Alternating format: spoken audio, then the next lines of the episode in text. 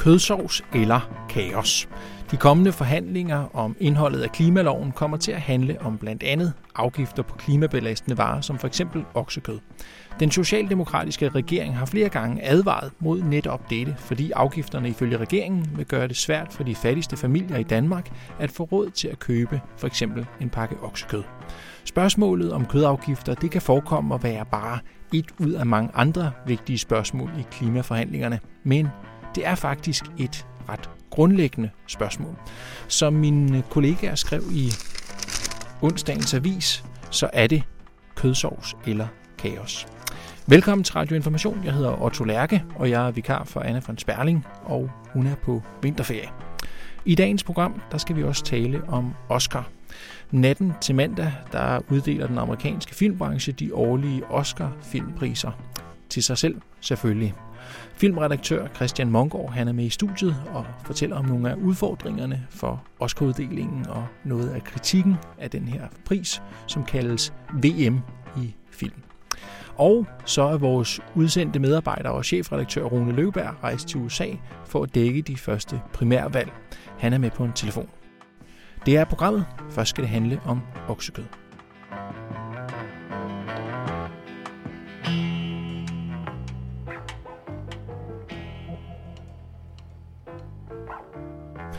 Velkommen til Martin Ban og Sebastian Gerding. Mange tak. Tak. I er journalister på Indlandsredaktionen og har skrevet den her, øh, den her artikel med overskriften Kødsovs eller kaos. Det er jo en øh, vidunderlig overskrift. Der står i artiklen, at øh, spaghetti med kødsovs det er blevet et symbol i klimadebatten. Øh, Sebastian, prøv lige at forklare.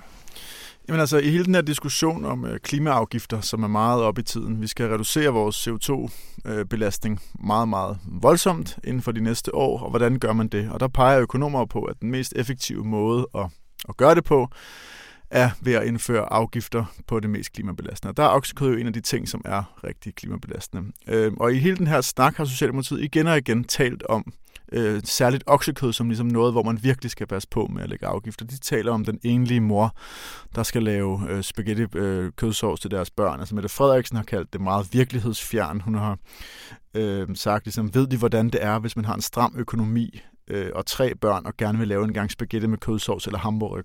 Hvor svært det kan være at få penge til at række. Det er ligesom det, hun har sagt på et virksomhedsbesøg på Danish Crown 2016. Benny Engelbrecht har sagt det. Øhm, Dan Jørgensen har sagt det, øh, sagt det. Altså, de har gentagende gange været ude og markere, øh, altså, så, så, i hele den her debat om klimaafgifter er spaghetti med kødsovs ligesom blevet det, sådan, det afgørende. Mm. Det afgørende symbol, som nærmest sådan en, en form for en form for rettighed, som folk har. Mm. Altså den her øh, billige øh, bolognese, og som alle danskere ligesom kan se. Et lidt sjov ved det er... Og hvad er, hvis jeg bare lige... Øh, når de bruger det her øh, symbol eller eksempel flere gange. Mm. Hvad, hvad er deres pointe, hvis man lige kan skære det ud i pap? Jamen altså, vi har jo alle sammen hørt om, øh, om de gule veste mm. øh, i, i Frankrig, som, øh, som ligesom gik amok over de her ændringer af brændselsudgifterne. Øh, så der, i Frankrig blev benzin ligesom meget det her øh, det her symbol på, hvad, hvad befolkningen vil gøre, hvis de bliver underlagt de her mm. klimaafgifter. Altså fordi det ligesom tager noget fra dem, og det rammer skævt. Øh, og det er ligesom deres pointe i, i, i det her i Danmark, der er spaghetti med kødsovs ligesom blevet ophævet til et lignende et lignende symbol øh, på det, hvor man ligesom siger, hvis vi laver en, øh, en, en CO2-afgift for eksempel på kød, som, øh, som, som gør, at det her bliver meget dyrere, så vil det føre til, at den enlige mor nu ikke længere kan gøre sine børn glade og lave hamburger, og spaghetti med kødsovs osv. Så, så pointen er, at hvis man lægger afgift på CO2 eller direkte på oksekød, så vil en, en pakke oksekød med 400 eller 500 gram blive måske 10 kroner, eller 5 kroner, eller 20 kroner dyrere. Er det ikke rigtigt, Martin, at det vil jo betyde mere for en familie med en lav indkomst, end for en familie med en høj indkomst? Jo, det er rigtigt. Altså sådan en CO2-afgift i den her udstrækning, som vi skriver om her. Nu er vi jo i gang med en større serie omkring øh, CO2-afgifter og en grøn afgiftsreform, øh, skattereform. Mm.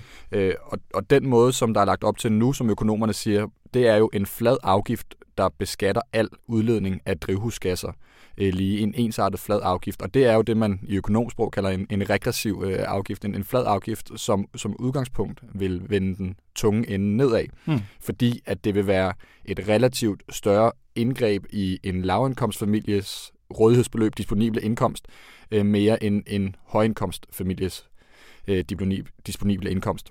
Mm. Så isoleret set sådan en afgift siger flere økonomer. Jeg tror, der er ved at blive lavet analyser på det nu, men som udgangspunkt vil det vende den tunge ende nedad. Ikke? Mm, mm. Så så langt har Socialdemokratiet faktisk ret, så langt, når så de godt. siger det. Ja. Men så taler I med øh, nogle økonomer, blandt andet Jakob Søgaard her fra øh, Københavns Universitet og er det Princeton. Ja. Og han siger noget andet. Hvad er det, hans pointe er?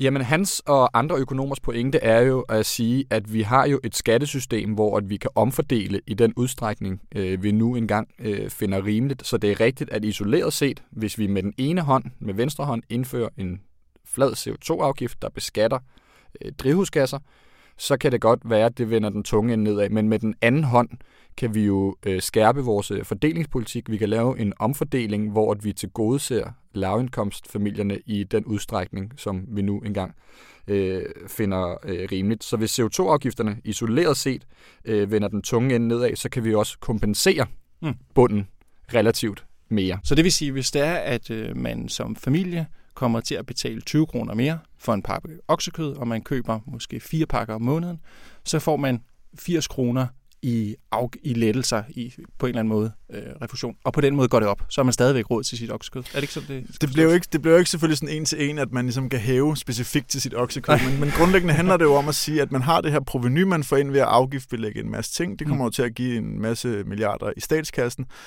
Og i stedet for bare at lade det indgå i den helt normale øh, statslige økonomi og bruge på forsvaret eller et eller andet, så er der ligesom den her idé med, at man fører hele provenyet øh, direkte tilbage til befolkningen, og særligt til de befolkningsgrupper, som man ligesom føler bliver hårdest ramt mm.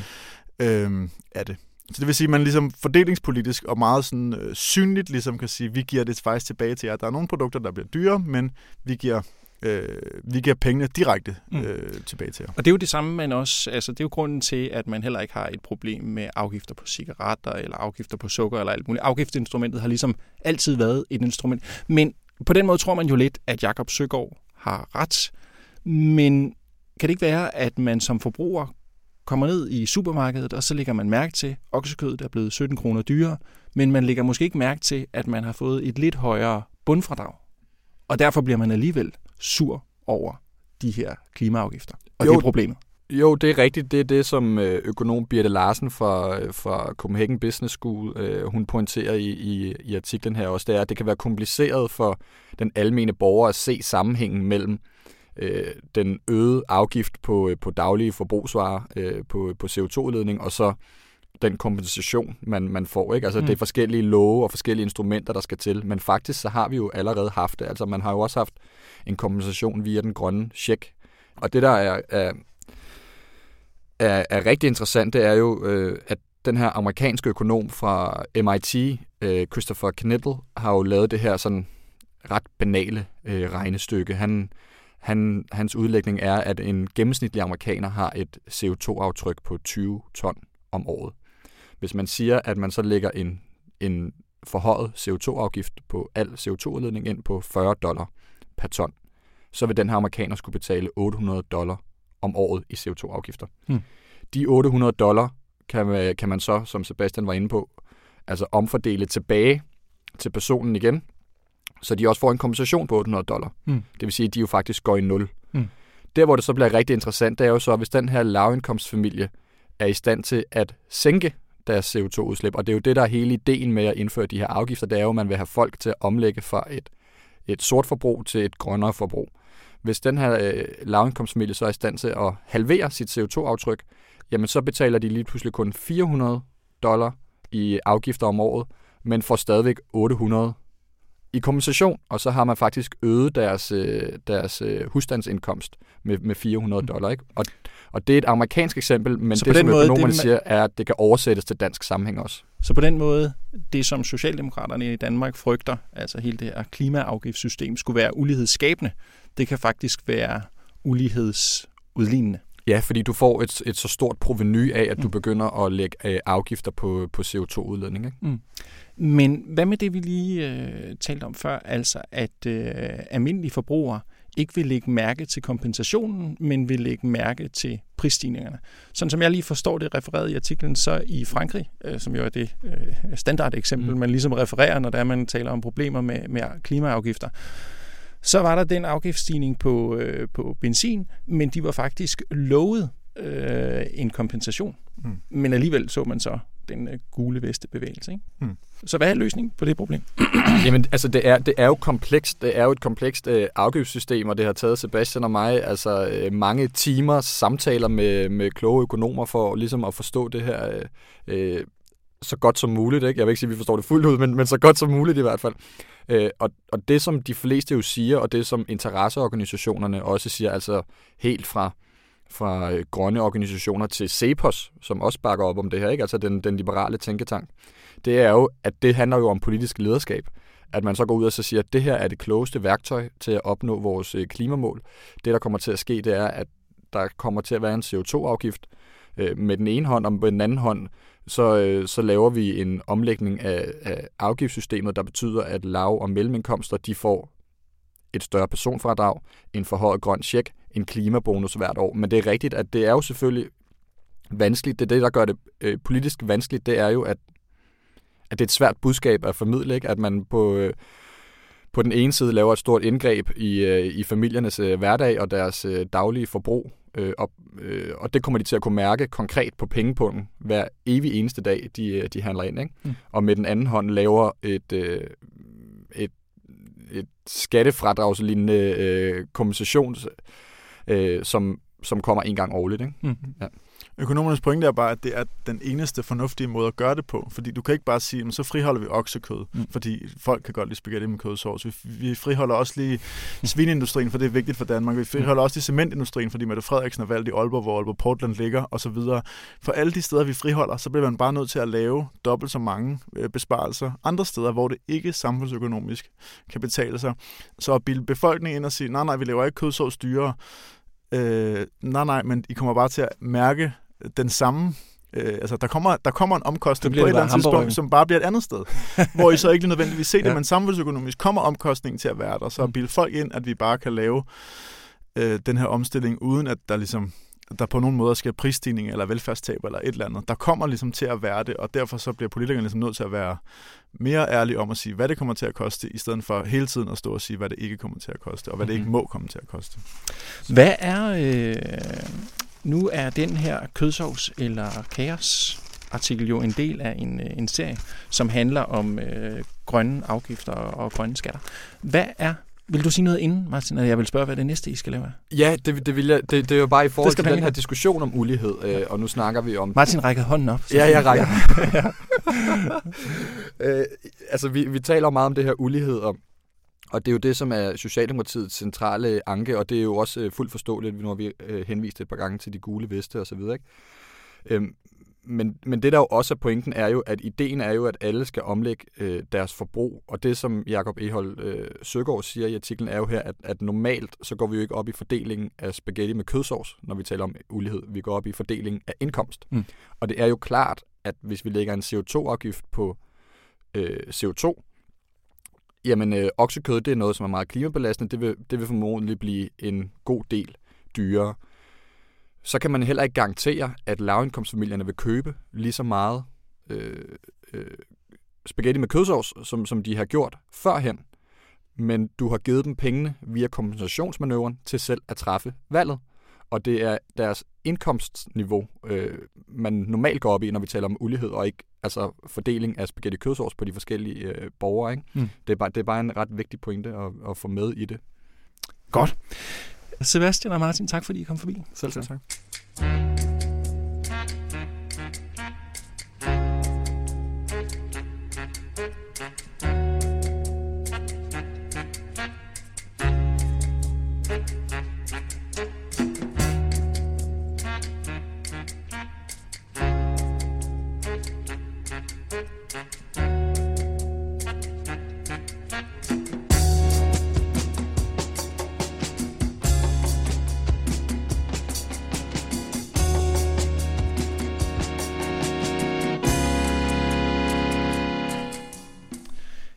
Denne uge startede primærvalgkampen i USA. Det er flere gange blevet kaldt et af de vigtigste amerikanske valg i historien. Og de her første primærvalg, de er afgørende for resten af valgkampen. Så det er heldigt, at vi har en udsendt medarbejder netop i Amerika for at følge primærvalgene. Det er chefredaktør Rune Lykkeberg, som har rejst til USA, og jeg ringede til ham tidligere i dag. Ja, hej Rune. Kan du, øh, kan du høre mig? Ja, det kan jeg sagtens. Nå, men det, det kan jeg sagtens. Rune, måske skal du bare fortælle, hvordan det er at være derovre.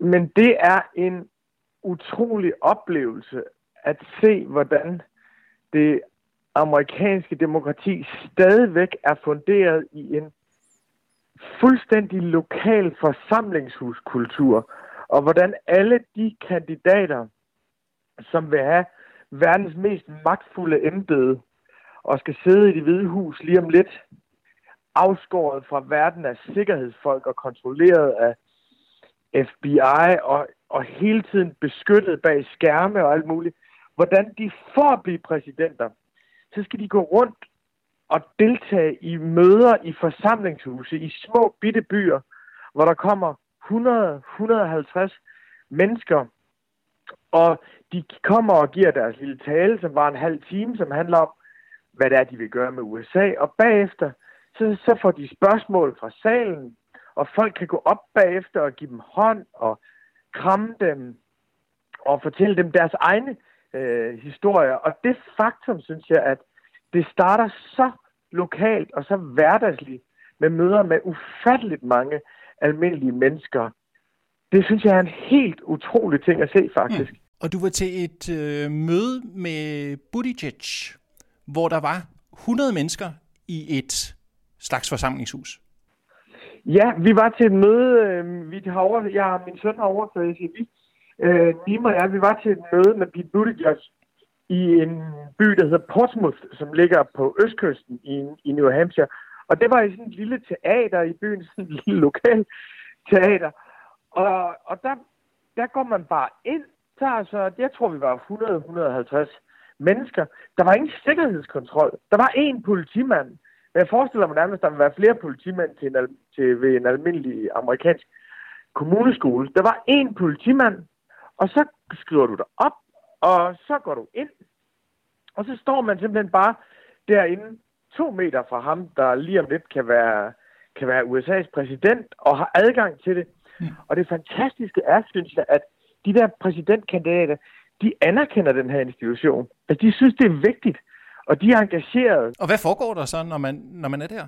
Jamen, det, det starter med, at der er en fra den lokale partiforening, som fortæller, hvor glade de er for, at folk er kommet. Og så, så, så nævner de, at hvor man kan skrive sig op, hvis man vil være med til at gå rundt og banke på døre, og hvis man vil være med til at ringe til folk, og hvis man vil være med til at arrangere møder. Så de prøver, den lokale partiformand prøver at, eller kvinde, det er faktisk ofte kvinder, prøver at engagere folk i hele den her kampagne, og det hører med til historien, at der er 100.000 under de her primærvalg, som bruger hver eneste lørdag, eller hver eneste søndag, eller hver eneste aften på, på, på, på de, her, de her ting. Så det starter med, at de fortæller, hvor vigtigt det er, og hvor glade de er for, at folk er kommet, og hvor meget de elsker den kandidat, og hvordan den her kandidat nu skal frelse dem fra satan, nemlig Donald Trump. Efter det, så er der som regel en en øh, lokal politiker, eller en, i Joe Bidens tilfælde var det en lokal brandmand, øh, øh, som stiller sig op. I øh, Bernie Sanders tilfælde, der var, der var det en, øh, en social worker, altså en, der arbejder med sociale forandringer i lokalmiljøet, som stillede sig op og, og fortalte, hvorfor vedkommende troede så meget på den her mm. kandidat. Og så kommer, så kommer kandidaten bagefter, så det bygger sådan op til, at så kommer kandidaten ind, og, øh, og kan man bare møde op og stille spørgsmål? Ja.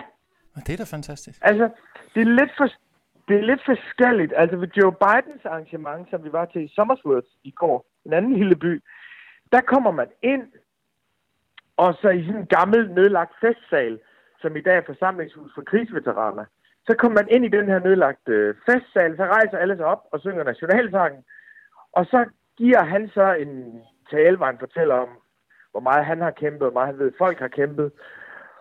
Og så efter det, så går han en runde, hvor han, hvor han stopper ved alle, der gerne vil snakke med ham. Og den mm-hmm. runde tager lige så lang tid som selve, som selve hans oplæg. Jeg tror, det tog en time. Og det kan være, øh, det, det kan være folk, der fortæller deres historie, om de har mistet nogen til kraft og ikke var dækket af sundhedsforsikring. Det kan være nogen, der fortæller om, hvordan deres far har mistet sit job på, på General Motors. Så de hører alle de her historier, og så er der jo rigtig mange, der også gerne vil krammes af dem. Ja, men Rune, må jeg spørge noget, hvad hedder det? Hvis der er 100 mennesker, så kan det jo ikke være sådan, at de når hele USA rundt og taler med, med 100 af gangen. Så skulle de jo holde øh, 2,5 millioner møder. Så det må være lidt sådan et, en særlig institution, en slags øh, museum, ikke? Jo, og man kan sige, der for det første, så de første, der er et caucus først, som er i Iowa. Og det er jo det, der endte i total kaos, fordi resultatet endnu ikke her fire dage efter er blevet offentliggjort. Øh, og så er der primærvalg i New Hampshire, og primærvalg det er sådan en almindelig valgproces. Men fordi New Hampshire er sådan en lille stat, alle byerne ligger inden for 100-150 km, så kan de faktisk nå rundt over det hele her. Det er også derfor, det er et unikt sted at være, mm. fordi de kommer rundt til rigtig mange. Og når du kommer til de større stater, Nevada, Texas, Kalifornien, så kører det på en helt anden måde. Så er det i meget høj grad mm. tv-annoncer, radioannoncer, sociale medier, annoncer. Og så det, du bygger op i Iowa og New Hampshire, det er momentum, det du skal vise, du er i gang med at vinde. Og hvis du gør det, så, får du, så kan du også fundraise en masse penge, så du kan lave annoncer bagefter. Og så er det jo vigtigt, at alle de her små events, de er lokale forsamlingshusmøder, som sådan er de autentiske. Men de er også tv-begivenheder. Så mm. der er jo 10 tv-kameraer. Det var der nu ikke til Buttigieg, der tror jeg, der var to. Men til Joe Biden var der 10 tv-kameraer, og til Bernie Sanders var der 20. Okay. Så de er også nøje koreograferede tv-begivenheder. Og jeg kan fortælle en lille sjov historie her. Ja. Og det er, at min, øh, min, min søn, som jo er stor Bernie Sanders-tilhænger, og jeg, da vi var til Bernie Sanders rally i Milford, der stod vi nede blandt, øh, der stod vi nede blandt publikum. Vi sætter os ikke på pressepladsen, vi vil gerne tale med vælgerne. Og så kom de hen til os og spurgte, om vi ikke ville være nogen af dem, der stod op bagved fordi så kom vi med på tv-billederne. Ja. Udvælger så folk, der ser bare almindelige ud. Ja. Og så, skulle, så fik vi at vide, at vi skulle stå op bagved. Og så var der nogle regler for, hvordan man skulle stå op bagved. Man skulle holde et skilt, hvor der stod Bernie Sanders, og man skulle være man skulle være ret ryg, og man måtte ikke stå og kigge på sin mobiltelefon undervejs, og man skulle være entusiastisk. Nå, ret ryg, det er alligevel skrabt. Ja, men du ved, du må, du må ikke stå og... Uh, og det sagde vi jo ja til for at prøve det. Så stod ja. vi der bagved, og det siger jo noget om, at det også er en koreograferet tv-begivenhed. For når vi har været i Milford, så er det, vi kom hjem om aftenen til vores midlertidige resident her, her i Concord, New Hampshire. Der kunne jeg jo se os på tv-billederne. Så kunne jeg se, der, der stod hun og Nima fandme med vores skilte. Så det er en ja. kobling af meget lokale møder, som næsten kun er mulig i New Hampshire, fordi det er så tidligt, og fordi staten er så, så lille, og så billeder til hele nationen om, se hvilket fantastisk lokalt møde Joe Biden holdt i, i, i Somersworth. Mm.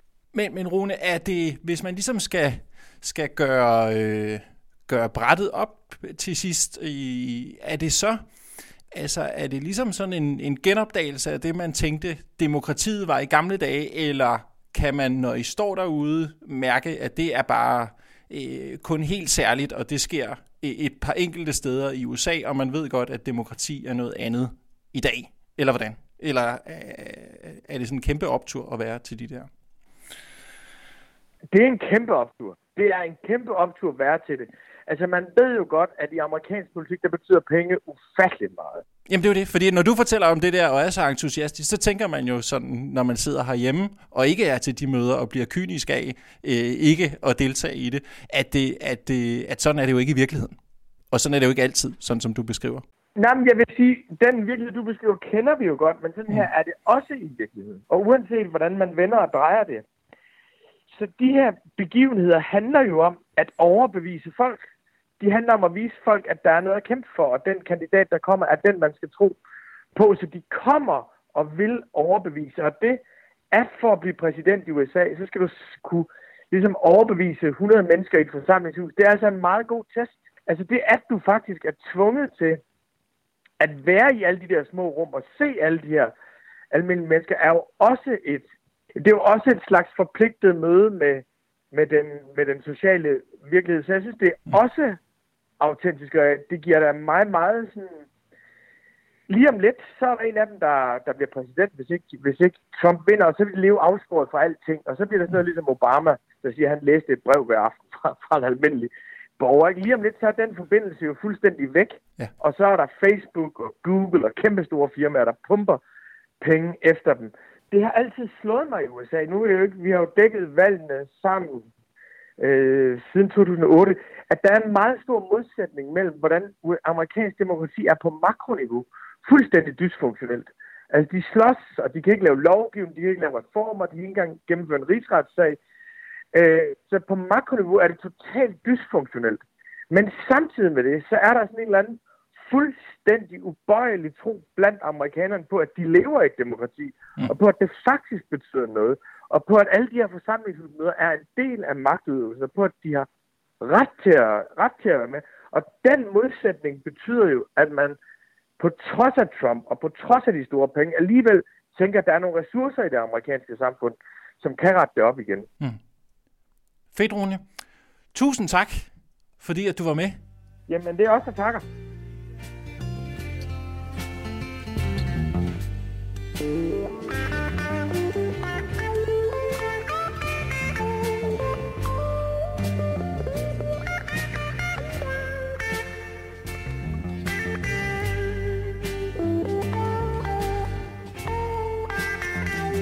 Sidder jeg ved den rigtige mikrofon? Prøv at banke på den med din finger. Ja, det er det. Okay. Søndag nat uddeler filmbranchen i USA årets Oscarpriser. Det er den største og vigtigste af verdens mange filmpriser, skriver informationsfilmredaktør Christian Mongård her i avisen. Han kalder det VM i film, altså verdensmesterskabet i film. Men der er også en voksende kritik af filmprisen. Det er selvpromovering, det handler ikke om kunst, der er for få kvindelige og ikke hvide blandt de nominerede, og endelig så er der en mistanke om, at dem, der nominerer, slet ikke ser alle filmene. Det har fået filmredaktøren til at stille det her spørgsmål. Er der overhovedet grund til at tage verdens største filmpris alvorligt? Velkommen til dig, Christian Mongård. Tak. Og Christian, lad os lige vende tilbage til det her spørgsmål om, hvorvidt man kan tage Oscarprisen, eller bør tage Oscarprisen alvorligt. Og så allerførst, kan du ikke lige uddybe, hvad er det, kritikken handler om? Altså man kan jo sige, at kritikken har nærmest været indbygget i prisen stort set fra starten i, i 1929. Altså det handlede om, det er mainstream Hollywood, eller rettere sagt Hollywood er mainstream. Det er, main, det, det er den mainstream af den amerikanske filmindustri, der fejrer sig selv. Og det betyder jo også, at det er jo ikke alle de små, uafhængigt producerede film, som nødvendigvis vinder de her priser. Også fordi akademiet jo i hvert fald i starten var meget de store filmstudier, der ligesom var, var medlemmer af det her filmakademi, som, øh, som uddeler priserne. Og sidenhen øh, har der jo været den her kritik af, at det primært har været midalderne hvide mænd, som har øh, udgjort den største delen af medlemskaren i akademiet, og derfor er resultatet også blevet derefter. Og det er derfor, der har været så meget kritik af igennem mange år nu.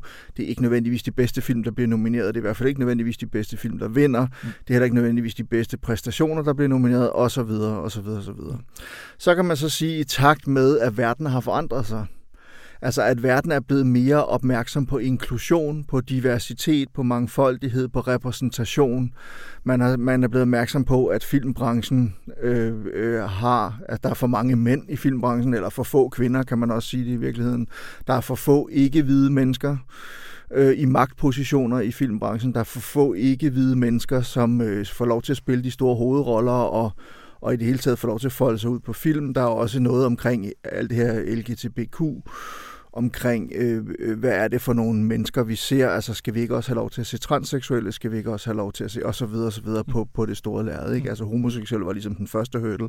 Nu er det så de transseksuelle, altså det hele det her identitetspolitiske diskussion, som er i øjeblikket. Alle de her ting påvirker jo også hvad skal vi sige, mainstream underholdningen, populærkulturen og ikke mindst Hollywood. Og selvom Hollywood jo og, og netop, eller man kan ovenkøbe sige, netop fordi Hollywood handler om penge, så ved man jo også godt, at man er nødt til at hen, altså i det øjeblik, der kommer en stor, massiv mod øh, kraft, kan man sige, eller, eller modvirkning fra den om, det omgivende samfund, så ved Hollywood jo også godt, selvom det er en stor koloss på lærfødder og meget gammeldags traditionelt tænkende, at så er man også nødt til at flytte sig lidt, mm. fordi ellers så bliver man irrelevant. Og, og de her ting, de får dig så til i, i avisen til at stille spørgsmål, om man skal tage filmprisen alvorligt. Har du fundet et svar på det spørgsmål? Ja, det synes jeg, man skal, og jeg har jo altid selv taget den alvorligt. Det har jeg jo gjort i min samfulde hvad efterhånden 23 år her på Avisen, har jeg jo skrevet om Oscar-uddelingen næsten mm. hvert år, og, og taget den alvorligt på den måde. Men det har jo så også altid været måske med et lille grænsalt mm. på en eller anden måde. Altså at, at man, selvom det er VM i film, eller i hvert fald gerne selv vil være VM i film, det her det handler jo også meget om den amerikanske filmindustris egen selvforståelse. Det handler om den monopol position, som amerikansk film og amerikansk underholdning jo nærmest har, ikke kun i USA, men i hele verden. Altså hvis du ser på, hvad der kommer op af film i de danske biografer, så er der måske 25-30 procent af danske film, så er der måske 1%, 2%, 3%, 4%, som er film fra alle mulige andre steder, og så resten det er amerikansk film. Det vil sige et sted mellem 60 og 70 måske 75 procent af amerikanske film. Så amerikansk film fylder meget, derfor er man selvfølgelig også nødt til at tage det alvorligt. Og så synes jeg bare, at det der, at amerikanerne er så gode til, en af grundene til, at jeg synes, det er sjovt at tage prisen alvorligt, er også, at de er enormt gode til at fejre sig selv. Mm. Men, men hvis jeg lige må spørge, Christian. Ja. Øh, hvis, øh, hvis du siger, at det Ej, næsten det er, altså er, er indbygget i, øh, i, i prisen fra begyndelsen i 29, Ja. at det er mainstream-filmene. Og derfor dermed også sagt, det er ikke nødvendigvis de bedste. Hvordan så som kritiker? Hvordan kan man så tage den alvorligt, hvis det ikke nødvendigvis er de bedste? Jamen, det er også derfor, jeg siger med et grænsalt. Men Ja. ja. nej, det er ikke nødvendigvis de bedste, men ofte er det også de bedste. Nå, altså, det er jo ikke, det er jo ikke fordi, det, altså, det er jo ikke, det er jo ikke hvert år, at Driving Miss Daisy vinder, og man sidder og tænker, ah, det var lige godt mærkeligt, eller er at det, Ro- Ro- er det en dårlig film? det er ikke nogen specielt god film, kan man sige. I hvert fald ikke sådan i Oscar-sammenhæng. Der kunne man godt have ønsket sig, at der måske var en anden film, der havde vundet. Eller lad os tage det år, hvor øh, Rocky vandt prisen for bedste film. Rocky er en god film, men den slog altså Taxi Driver. Er Rocky en bedre film og mere vigtig film end Taxi Driver? Større kunstnerisk værdi? Nej, Men det, det er så, den ikke. Så vil jeg jo tænke sådan, at, at så for sådan en fagmand som dig, Mm-hmm. vil ligesom tænke, nu kan jeg ikke tage den pris alvorligt længere, hvis Rocky slår Taxi Driver.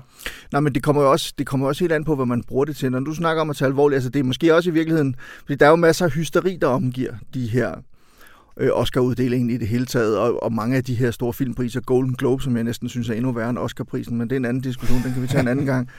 Men, men, øh, men der er jo en masse hysteri, som omgiver det, og det, det handler vel også om, hvor meget man køber det hysteri eller ej. Ja. Jeg har altid købt det på den måde, at jeg synes, det er sjovt at se, Oscar-uddelingen på grund af glitteren og glamouren og alle stjernerne, og de ikke mindst takketalerne er ofte ret sjove værter og sådan nogle ting. Det er et fedt show at sidde og se, synes jeg. Amerikanerne forstår at fejre sig selv. Det er også derfor, jeg synes, Oscar er sjovt. Mm. Men Så vi derudover, tager det alvorligt som et fedt show vi, vi tager det alvorligt som et fedt show, men også fordi det så også bare netop fordi amerikansk film og amerikansk populærkultur fylder så meget, er den bare nærmest per automatik også blevet den største prisuddeling overhovedet.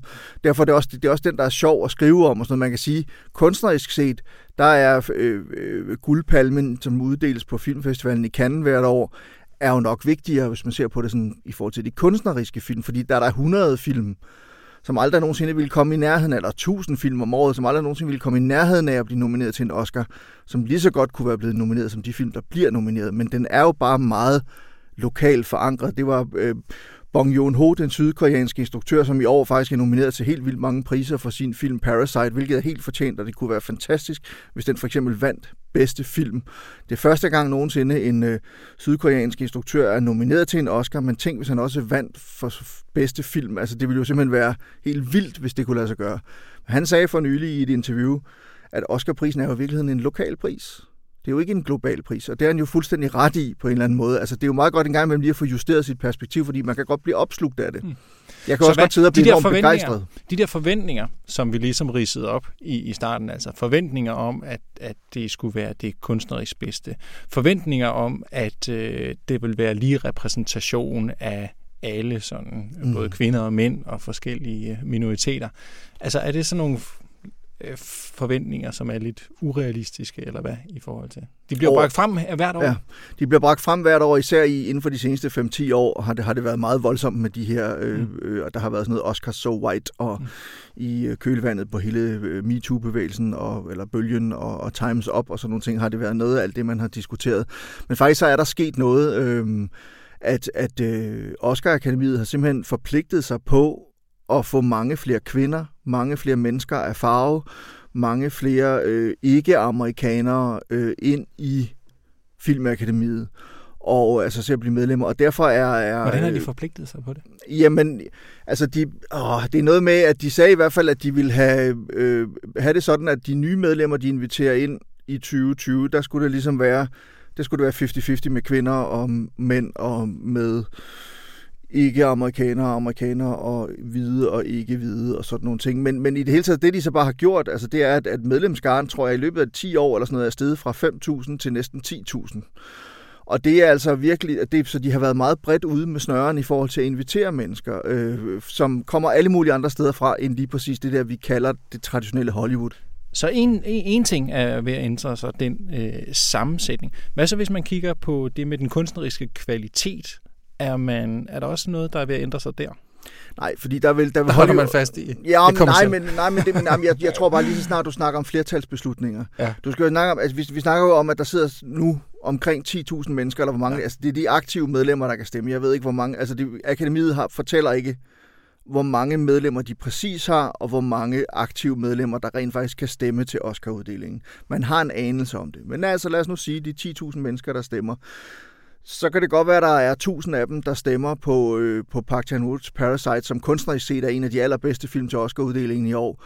Men så kan det jo godt være, at der er 9.000 andre, der stemmer på en anden film, som ikke nødvendigvis har lige så højt kunstnerisk niveau. Så lige snart man har med flertalsbeslutninger at gøre, lige snart noget skal i plenum på den måde, mm. så bliver det jo det, som alle kan enes om. Så bliver det jo lidt et, et kompromis på en eller anden måde. Men altså, hvis du ser tilbage på hele Oscar-historien, så er der jo om ikke tusindvis, så i hvert fald hundredvis af fremragende mesterværker, der er blevet nomineret, og nogle af dem har ovenikøbet også vundet priser igennem tiden. Mm. Men der er lige så mange eksempler på store instruktører, som aldrig har vundet en Oscar. Hitchcock fik aldrig en Oscar som instruktør. Han fik så en æres Oscar, da han var døden nær, han er sagt, eller til slut i sin karriere. Ikke? Men han skulle da have haft en Oscar for nogle af alle de der fantastiske film, han har lavet. Og sådan er der virkelig mange, hvor man kan sige, at, at, at, at det lykkedes dem aldrig rigtigt at sætte pris. Det samme med Chaplin, så vidt jeg husker. Han fik også en æres Oscar, men aldrig en, en Oscar for nogle af de enkelte film. Tak fordi du kom forbi, Christian. Det var en fornøjelse.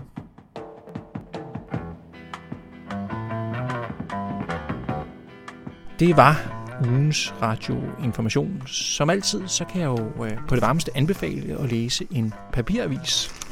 Jeg sidder her med nogle af ugens aviser, og øh, der er masser af gode ting. Altså blandt andet reportager fra USA's øh, primærvalgkamp. Programmet Radioinformation i dag, det var tilrettelagt af mig. Jeg hedder Otto Lærke, og jeg er vikar for Anna von Sperling. Det var klippet af Astrid Dynesen. I kan tilmelde jer Radioinformations nyhedsbrev på information.dk-nyhedsbrev. Tak fordi I lyttede med.